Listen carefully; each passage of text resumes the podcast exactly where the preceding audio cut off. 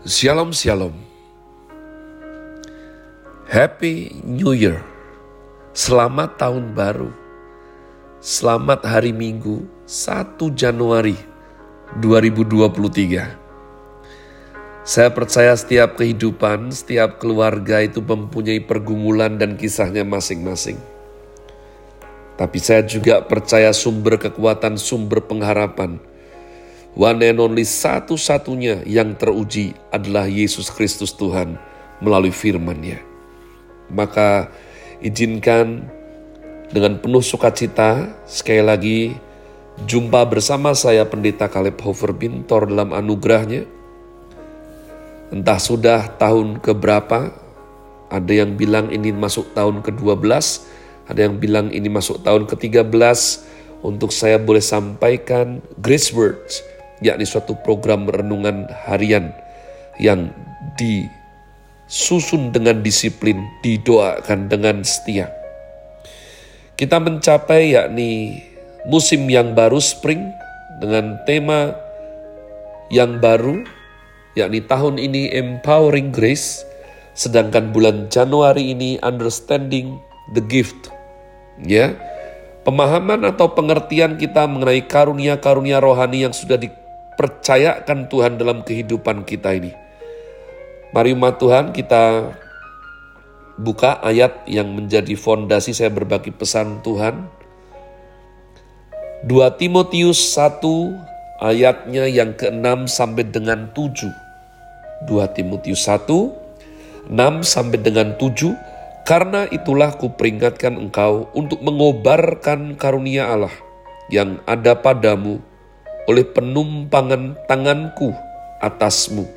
Sebab Allah memberikan kepada kita bukan roh ketakutan, melainkan roh yang membangkitkan kekuatan, kasih, dan ketertiban. Jadi umat Tuhan, kita akan mengalami perjalanan kehidupan. Kita akan menempuh suatu tahun yang baru. Ya, Entah berita apa pun yang engkau dan saya dengar, betapa tahun 2023 ini tidak akan lebih mudah dari 20 2022 bahwa masih ada ancaman perang, ada ancaman berbagai macam kekhawatiran baik nasional maupun internasional. Saya dorong engkau untuk memegang pengharapan yang tidak berubah-ubah di tengah-tengah situasi yang terus berubah kita harus memegang apa yang disebut the absolute unchanging being, ya, yang mutlak, yang tidak berubah, yakni firman Tuhan. Nah, oleh karena saya ingatkan umat Tuhan, bagian kita mengerti memahami daripada karunia-karunia rohani yang diberikan Tuhan ini. Baru demikianlah kita bisa berkarya nyata, kita bisa bekerja ya dan tanda bahwa kalau kita tidak berkobar dalam hal karunia Allah, maka yang ada kepada kita adalah roh ketakutan. Saya rindu ajak masuk tahun yang baru cek hatinya. Apakah engkau banyak ketakutan? Jangan fokus kepada apa yang engkau tidak sanggup tangani tapi fokuslah kepada apa yang memang sudah Tuhan berikan. Karena mengobarkan karunia Allah yang sudah dikaruniakan dalam hidup kita ini akan membangkitkan kekuatan, kasih, dan ketertiban umat Tuhan. Ya, dan kenapa ini diberikan gampang, ergon, supaya Anda dan saya berfungsi, supaya Anda dan saya bekerja. Jadi dari sini kita melihat ada dua cara orang menghabiskan waktu yang Tuhan berikan dalam hidupnya. Yang satu sisi adalah jenis orang yang menyia-nyiakan waktu hidupnya untuk hal-hal khawatir yang belum terjadi.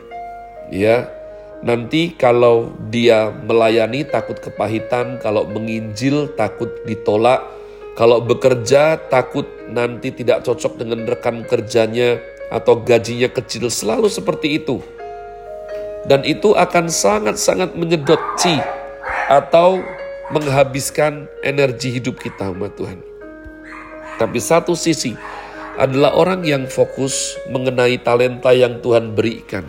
Dia mengenali ya karunia atau gift apa yang Tuhan sudah percayakan dalam hidupnya.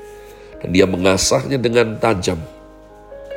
Ketika seseorang mengasah dengan tajam, yakni karunia-karunia tersebut, dan dikobarkan dalam jiwa, dalam hatinya, maka itu membangkitkan kekuatan, kasih dan ketertiban. Oh iya, orang kalau bersiap diri dengan baik menghadapi hidup ini umat Tuhan, maka dia akan punya yang namanya ketenangan.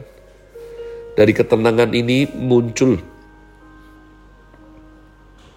kekuatan, kekuatan untuk kita menghadapi apa pun. Nah, kalau saya ingatkan dalam kejadian Fatsal 1 ayat 26, 27, 28, setelah Tuhan menciptakan manusia, Tuhan memberkati mereka. Maka saya ajak, berkat berbeda dengan upah umat Tuhan. Upah itu diberikan sebab kita mengerjakan sesuatu. Kenapa berkat diberikan? Kita bahkan belum ngapa-ngapain. Maka saya percaya bahkan pada waktu kita belum ngapa-ngapain, Tuhan memberkati kita di tahun 2023 ini. Upah diberikan karena kita pekerja yang baik, tapi berkat diberikan karena kita anak. Perhatikan, belum tentu anak yang baik bisa jadi masih kurang baik, tapi diberikan berkat umat Tuhan. Tuhan memberikan berkatnya, Tuhan memberikan restu dan penyertaannya sebab kita anak. Ya, saya rasa pada waktu meninggalkan 2022 dengan segala manis pahitnya, mungkin ada beberapa toko, kuliner, kios, warung yang membuat Anda besok lagi ya, saya tidak mau datang ke sana lagi. Itu berkaitan dengan upah, dengan cara kita bekerja. Tapi tidak demikian ketika berurusan dengan anak. Ketika berurusan dengan anak, kita harap mereka nilai bagus. Kita pengen, kita dorong mereka belajar nilai bagus, tapi tidak mungkin. Kita bermain dengan ranah kalau kamu nggak perform. Papa usir kamu dari rumah. Pergi sana kamu. Kenapa? Kita anak. Jadi saya rasa sebelum apa pun, mari ucap syukur. Sebab kita diberkati Tuhan. Kenapa kita diberkati Tuhan? Karena ada tujuan dalam hidup kita. Saya ingatkan juga dari kejadian Fatsal 1 ayat 26 sampai 28. Keberadaan kita itu merupakan tujuan yang Tuhan sengaja adakan dalam hidup ini. Itulah kenapa Anda dan saya diciptakan untuk menggenapi rencana Allah. Yang pertama, serupa segambar dengan Tuhan imago Dei. Yang kedua untuk kita bekerja ya sehingga sungguh-sungguh di bumi seperti di sorga kita mengelola kita bertanggung jawab atas yang sudah Tuhan berikan. Dan oleh karenanya saya rindu mengingatkan, ranah dosa orang Kristen itu bukan hanya karena kita melakukan sesuatu. Ya, berzina, mencuri, membunuh, membuli mungkin, ya tidak. Tapi dalam firman Tuhan kita juga diajarkan pada saat kita harusnya melakukan sesuatu dan tidak melakukannya itu juga dosa. Kenapa? Karena itu meleset dari sasaran. Jadi dalam iman Kristen itu tidak bisa kita bermain kalimat seperti kalau kamu pasti tidak selamat karena kamu banyak berbuat dosa. Ya. Kalau aku tidak. Aku kan netral. Aku tidak melakukan apa-apa. Beda dengan kamu yang membunuh, beda dengan kamu yang mencuri, beda dengan kamu yang korupsi. Aku aku tidak melakukan apa-apa. Nah hati-hati, karena dalam iman Kristen tidak melakukan apa-apa juga dosa umat Tuhan. Kalau engkau seorang ayah dan engkau belum jadi ayah yang baik, itu dosa. Itu meleset dari tujuan. Hamartia equal with sin. Ya, kalau engkau seorang istri dan engkau belum jadi istri yang baik, engkau mempunyai blueprint ada sebagai penolong. Bukan hanya menolong suami makin terpuruk, apa-apa harus iya saja. Saya lihat memang beberapa suami itu curang. Ya, dia tekan istrinya, kamu kan penolong, jadi sudahlah diam. Jangan laporkan aku pada pendeta atau ibu rohani. Jangan. Itu merusak. Jadi saya dengungkan, kalau engkau mahasiswa, mahasiswi, tapi nilaimu jelek, itu dosa umat Tuhan. Meleset dari tujuan, itu dosa.